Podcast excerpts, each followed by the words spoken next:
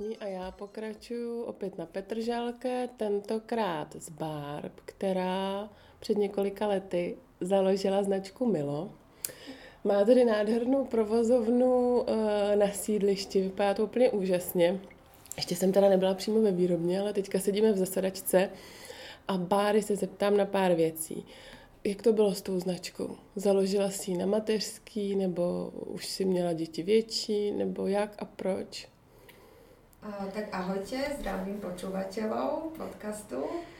Um, založila som ju, oficiálne som ju založila, až keď deti som dala do škôlky, do jasličiek.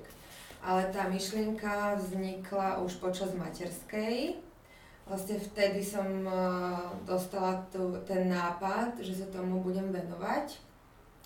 A keďže som si uvedomila nebezpečenstvo výroby midiel zastuď, metodou zastudená, že používania, používania chemie, chemie popri tom, tak som si povedala, že počkám, kým uh, budú deti trochu väčšie a už ne, nebudú, nebudem nútená uh, ich tu mať niekde naokolo. Takže som začala až tedy, keď už boli v škôlke a keď boli v škôlke, tedy som si doma začala vyrábať mydla.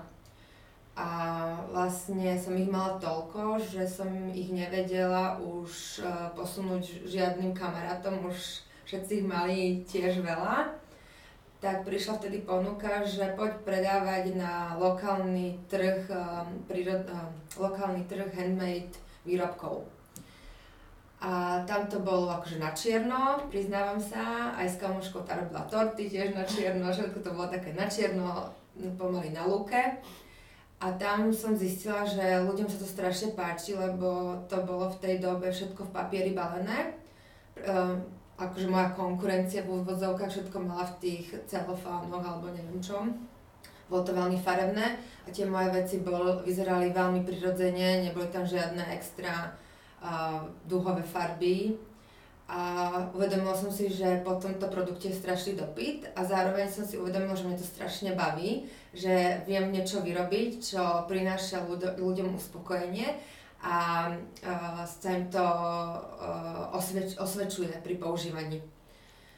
Takže man, môj manžel povedal vtedy, som bola tak na rozhraní, že či ísť späť do práce alebo sa tomuto venovať uh, oficiálne, tak ma vtedy podporil, že vlastne mala som 30 rokov, tak som si povedala, že teraz alebo nikdy, keď už začnem zase pracovať, po materskej už sa tomu asi nikdy nevrátim tak sme si dali všetko schváliť. Výrob, našli sme veľmi malinkú výrobu, uh, miestnosť na výrobňu, kde som si povedala, že uh, finančne to je veľmi únosné na, zač- začiatku pre mňa. Uh, je to síce malé a keď budem chcieť v budúcnosti rásť, tak pôjdem do iných väčších priestorov.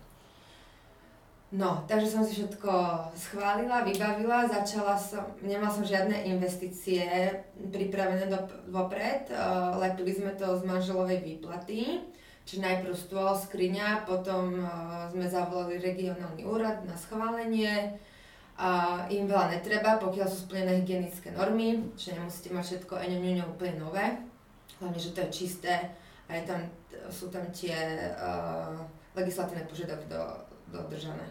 Takže tak jsme začali. A to bylo v jakém roce? Jo, no. 2019, 2014, 15. Už tak dlouho. No Bára právě, to musím podotknout, že je jedna z prvních, a je stále tady, že je jedna z prvních, kdo, kdo jako přišel s tou českou, slovenskou, lokální přírodní kosmetikou. A já jsem si ji teda všimla, když vlastně do, začala dovážet jiná bára z Honestly, z mm-hmm. e-shopu, takže tam jsem zaregistrovala vlastně značku Milo. Jsme pořád ve stejné výrobně, eh, která byla i na začátku, anebo si se přestěhovala mezi tím? Hej, hej, my jsme stále tu. Vlastně už máme sice asi dva roky projekt um, vypracovaný od architekta na, uh, na postavenie výrobne v blízkosti môjho miesta bydliska. Vlastne pešo budem v budúcnosti chodiť do práce a malo by sa to 5-násobne, 5-násobne zväčšiť, tie, prac, tie výrobné kapacity. Ale trvá nám strašne dlho ten schvalovací proces tým, že robím popri tom svoj full-time job a manžel tiež, takže uh, nie je čas až tak sa tomu venovať, čiže až tento mesiac nám došiel posledný papier na to, aby sme mohli začať stavať. Uh-huh, uh-huh. to vidím tak, že ešte rok tu budeme uh-huh. asi. Jasne. A doteraz nám prišlo tak, uh, neprišlo nám dôležité sa niekam presťahovať a zasa ten schvalovací proces niekde inde a podstupovať, mm-hmm. keď sme stále verili, že, že čo chvíľa už začneme stavať, no. No a teďka vlastně eh, jsem zaregistrovala, že teda ty se zabýváš tím vývojem a výrobou samotnou a máš tady k sobě kolegyni na administrativu. Áno, mám kolegyňu, ktorá mi pomáha s expedovaním či už maloobchodných alebo veľkoobchodných objednávok. Mm-hmm. A tu teraz budeme stiahovať do, do skladu a sklad budeme stiahovať hen tam, mm-hmm. takže sa tu bude tak teraz prehádzovať.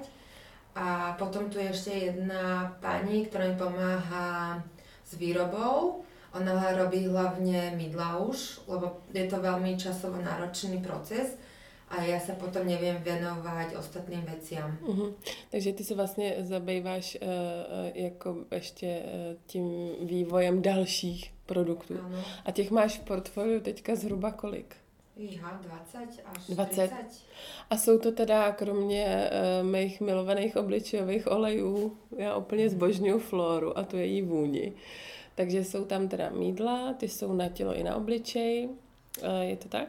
Na obličeji je iba to čierne, mm-hmm. to je na aknoznú pokožku, mm-hmm. ostatné sú skôr na telo. Na telo. Potom je tam uh, vlastně teda ty směsi olejů, mm-hmm. uh, několik pro různé typy pleti. Ano. Potom uh, pamatuju si dobře oční sérum. Ano, to je taký vlastně dost jemný gel z extraktu z rôsolovky, čo je hríb, ktorý Japonky a Číňaky používajú dlhé roky na to, aby vyzerali krásne. A vlastne tento hríbík, tento extrakt je prezývaný aj organická kyselina hyaluronová. Na rozdiel od tej uh, derivovanej v laboratóriu, tak nepreniká až tak hlboko do pokožky, iba vie tú pokožku hydratovať iba vo vrchnej vrstve tej epidermy a tento gel je doplnený o kofeín z zeleného čaju. Čiže mhm. skôr je to na také vačky mm-hmm. a opuchy okolo očí. To já si dám. Je velmi jednočký. No. To já si vyzkouším, ale právě jsem za, zaregistrovala chválu blogerů jako mm-hmm. na Instagramu a na Facebooku, takže proto jsem si tady toho produktu všimla. Kromě toho uh, jsou tam ještě jaký produkty? Uh, hydroláty? Ano, tie sú ale, nie sú to vždy čisté hydroláty, ale je to nejaká synergia viacerých hydro, hydrolátov, doplnená o nejaké zasa extrakty z rastlín, ktoré buď zlepšujú tú hydratáciu preukázateľne, v jednej máme extrakt z morských rias, a potom sú tam extrakty napríklad z vilínu a ten je na tú uh, masnú pokožku. Uh-huh. A tie, sa, tie hydroláty sú naše ponuke preto, lebo človek keď používa olejové séra, tak potrebuje mať uh, pod tým, pod, uh-huh. pred aplikáciou toho olejového séra a tu pokožku tonizovanou. Uh-huh. To je hrozně důležitá informace, spousta lidí tohle neřeší. A myslím si, že zrovna, když potom začnete používat ten olej a jedete pořád dokola jenom olej, tak se vám ta pokožka začne hrozně sušit. Mm-hmm. Takže veškeré hydratační produkty a právě hydroláty nebo směsi nějakých hydrolátů, ještě i s aktivníma složkama, jsou úplně to nejlepší, co můžete použít. A ještě jedna poznámka k tomu, Zase já třeba nedoporučuji používat samostatný hydrolát, jenom jako mm. si to nastříkat a nechat to oschnout, protože tam je zase jakoby ta druhá cesta, že ten uh, hydrolát tím, jak se odpařuje, tak ještě sebou bere i tu vodu z té kůže, takže když už hydrolát, tak zase k tomu ten pleťový olej třeba. No to je uh, taká mozaika, čo máme my v ponuke. Vlastne niektoré zložky, ktoré sú rozpustné vo vode, niektoré v oleji, čiže nevieme ich, tým, že nerobíme emulzie, Nevieme ich tam dať všetky. No ale ten oční gel, eh, jakože jste vyrobili gel? Ano, ale ten se dává pod olej zase. Uh-huh. Takže a toto mě strašně právě zaujalo, že to je jako gel, protože já hrozně miluju gelový konzistence a málo jich je na českém uh-huh. trhu, strašně málo. A potom máš vlastně um, repelent, je to ano. tak? To je odpudzovač hmyzu. Mm, a jako ve spreji. Áno, je vlastne kompatibilní aj s odevom, že mhm. nezanechává stopy. Pak nějakou tělovou péči? Áno, tam sú um, krémy s bambuckým maslom, čo je veľký základ a tie sú skôr na ruky, na telo, aj na tvor. Ja si v zime dávam olala uh-huh. na tvar veľmi rada a uh-huh. často. Uh-huh. A potom uh, to, je, to je asi všechno, nebo ještě je tam nějaká Dezodorant. specialita? Deodorant. Dezodorant uh-huh. tam je. Potom odličovanie. To mám také tri Odličovanie, jasně. Olej, emulzia a voda. A emulze je jako, že ty dvě složky si smícháváš? Nie, tam, tam je normálne použitý emulgátor. Uh-huh. Uh, jeden z mála emulgátorov, ktorý je uh, používaný za studena. Čiže vlastne tie dve zložky, aj, aj olejová, aj uh, vodná sa nemusia zahrievať. Uh-huh. Čiže nedochádza, nedochádza k prípadnému ničeniu nejakých uh, účinných a uh, jemných uh, prírodných uh-huh. zložiek a vlastne tedy sa spája ten emulgátor, tedy spojí ten emulgátor tú vodu s uh-huh. olejom. Takže je tam, máte tam přece jenom hey. nějaké spojení hey. vody, vody s olejom. Je strašne veľa ľudí, čo fičia na odlučovacích mliekách a jo. sú veľmi jo. veľkí uh, fanúšikovia. E, já jsem ještě chtěla zmínit, že Bára je vlastně jak je tady už dlouho na tom trhu, tak má fakt ty receptury takový jako hodně vyňuňaný. Tak eh, z jaký, protože nemá žádnou certifikaci přírodní kosmetiky eh, nezávislou a nemá to 99% českých a slovenských producentů a proto za nima jezdím, abych se na tu kvalitu sama podívala. Tak uh, jsem se chtěla zeptat, z jakého zdroje tu, ty suroviny bereš, nebo jak je vybíráš, jak si vybíráš dodavatele, máš prostě nějaký svůj vnitřní kodex, nebo...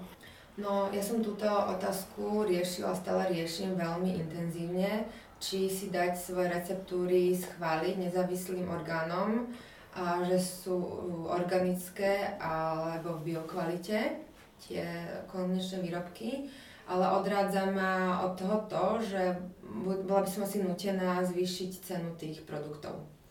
A keď som si robila taký prieskum, tak tí moji zákazníci, uh, oni, uh, začnem, akože fakt ďakujem, oni mi veria. Oni uh, veria v to, že ako vyrábame a z akých surovín vyrábame tie produkty a my sa snažíme vyberať najlepších možných dodávateľov. Pri tom výbere myslíme na to, aby tie suroviny boli lokálne alebo lokálne spracované, aby pri ich výrobe nedochádzalo k porušeniu nejakých ľudských práv, nakoľko niektoré suroviny máme z tretich krajín, ako Afriky, a tam všetci dobre vieme, že veľakrát sa stáva, že tí ľudia robia po, pod tú hodnotu práce. Hm. Napríklad rúžový hydrol my máme na, z Maroka, lebo uh, tam ten náš dodávateľ deklaruje, že to je fair trade produkt aj uh, k tomu nám uh, dodáva takú správu, čiže je to taký uveri, uveriteľ, uveriteľné. Č, uh, veľa vecí, olejov bereme z, od Čie, z Čiech, um, z Bohemia Oil. Oni síce uh, niektoré oleje iba spracúvajú, že nemajú tie suroviny, napríklad sezamový, sezamové semiečko nemajú um, miesto, kde by ich pestovali. Potom bereme uh, slnečnicový a hroznový olej zo Slovenska, slnečný olej z, uh, z Bushlag Oil, čo je uh, veľmi kvalitný olej z, v biokvalite. A veľa vecí bereme z Francúzska a spolupracujeme s Katrižinou Klódovou z Armatelieru a od nej bereme skoro 50% esenciálnych olejov, teda z Florihany. No a tak celkovo z Európy. Máme, máme si dvoch takých dodávateľov z Európy, Francúzov a, a Angličanov. Děkuji, děkuji moc za takovou jako upřímnost a za ty detaily. Podle mě je to hrozně důležité. A byla si někdy třeba, eh, tak samozřejmě jako ve, do Florihany, třeba právě Katka Kloudová jezdí, takže tam je to určitým způsobem ověřený, ale byla si třeba ohledně bambuckého másla, v té Africe, nebo třeba se na ten hydrolát podívat, nebo prostě jsi tak zavalená tou výrobou, že v tuhle chvíli na nějaký jakoby takový dovolenkově služební cesty není až tak čas. Ešte do tej, do, do tej Afriky som chcela ísť, ale manžel ma, ma presvedčil, že nie, to není dobrý nápad. A nakoľko tie videá, čo nám posielali a dokumentáciu, tak uverila som tomu príbehu, no. Ale ještě teďka jsme spolu řešili nějaký článek nedávno a ty si mi vzpomínala, že máš někde slaměnku nebo smil. Mě prostě hrozně zaujalo, že ty ty receptury jako tvoříš tak jako hlouběji, že prostě to není jako smíchám tenhle olej s tam tím, ale zajímají tě ty účinky, třeba ta rosolovka, což je prostě nějaká mm. houba, o který jsem já v životě neslyšela. Takže ty si to jako v tom hrabeš, v tom složení, hledáš někde pořád, jako zajímáš se o to, že ty receptury jsou takový jako sofistikovaný, jako jak se to vzalo, nebo máš k tomu vztah od vždycky, nebo až teďka, nebo chceš prostě vždycky nějaký produkt a tak k tomu hledáš nějaký možnosti. To je, to je prirodzené vo mne. Že mám nějakou filozofiu a nakoľko neviem, či to je tým, že nie sme veľká firma, alebo tie procesy sú také, aké sú. Proste, keď niečo chceš uh, uh, urobiť, tak to nejak trvá. A keď sme nejak začali, tak sme začali s nejakými surovinami a teraz časom viem, že chcem tie suroviny lokálnejšie a brať z užšieho kruhu, uh, geografického kruhu. A, no, Čiže aj tú slamienku, mala som ísť do Sardinie na dovolenku, ale zo zdravotných dôvodov to nebude možné. Čiže tam som chcela tú slamienku ísť o, na vlastné oči voňať. Takže plánujem si takéto tripy a návštevy, ale není zatiaľ Není, nepřišla ta správná chvíle. No, začal to nevychádza. ano. A e, ještě poslední věc, ty jsi loni prošla rebrandingem, že vlastně značka Milo se pořád jmenuje Milo, mm-hmm. nicméně vypadá trochu jinak. E, a proč si jakoby tady k té úpravě přistoupila? Chtěla jsi to najednou trochu jinak, nebo jsi měla pocit, že tě někdo kopíruje, takže ty to uděláš prostě Eh, jinak, ještě úplně jinak. Máš teda super obaly, že vlastně tam eh, máš ty produkty ve skle a potom je tam taková jakoby papírovej, mm-hmm. není to celou krabička, je to jako půl krabička nebo mm-hmm. takový jako závoj, nevím jak to říct. Tak eh, jak ten rebranding, z jakého důvodu jsi to dělala? Nebo... No, uh, ja som si robila, okrem toho, že som robila výrobu a vývoj, ešte som robila aj grafik, grafika u nás. No, takže som spovedala, že to, toto musím outsourcovať a hoci komu som to chcela dať, tak ten, to grafické štúdio, oni chcú dať do toho to svoje. Na druhej strane ja som už cítila potrebu, že tá, naša, tá moja značka už vyrástla, že uh, pôsobí tak zrelšie, uh, minimalistickejšie a chcela som byť uh, viac prírodná, keďže tie etikety boli stále plastové. Takže som oslovila jedno výborné grafické štúdio, s ktorým doteraz spolupracujem, Hungry. A navrhli sme spolu riešenie, ktoré by bolo ekologickejšie a popri tom sa urobilo aj nové logo, ale názov firmy zostal. Takže šlo vlastně o to, že, to, že té hledali ekologičtější řešení ano, ano, a proto a s tím souvisel ten rebranding. Vlastně ta krabička je preto taká, lebo pri um, posielaní k veľkoodberateľom nepotrebujeme okrem vrchného výplňového materiálu žiadny iný medzi dávať. Zároveň potrebujeme miesto na, na, na uvedenie všetkých potrebných uh, informácií pre zákazníka, čiže z, takto sa to nejak sklubilo dokopy uh-huh, a vzniklo uh-huh, z toho uh-huh. toto. Super.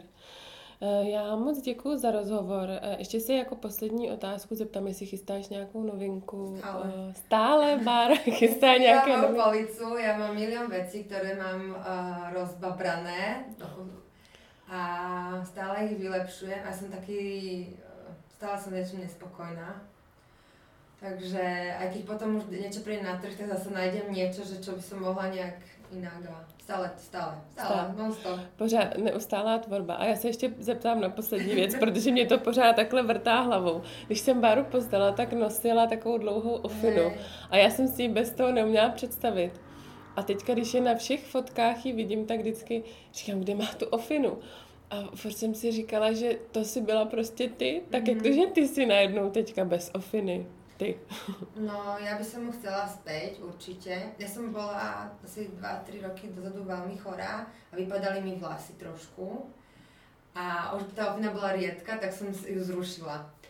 A vlastne keď som si ju, keď už mi narastli vlasy, jak zasa husté, tak um, som rozmýšľala, dám si späť tú ofinu, ale uvedomujem si, že to každý druhý deň som musela žehliť, takže som si povedala, že z praktických dôvodov kašlo na to. Z přírodnějších je to prostě udržitelnější koncept. vidíš, už tam takto vyrastuje, takže idem na takú úplne prírodnú žienku. Jo, ne, ale vypadá Bára nádherně. Moc děkuji za rozhovor, měj se krásně. Za návštěvu. Děkuji, že jste dnešní podcast Green Beauty CZ doposlechli až do konce. Ráda bych vás pozvala na Green Beauty Market 2020, který se uskuteční 17. října v showroomu Koupelen Elements Ostrava a 7. listopadu v Prague Gallery Laufen Praha. Budeme se na vás všichni moc těšit.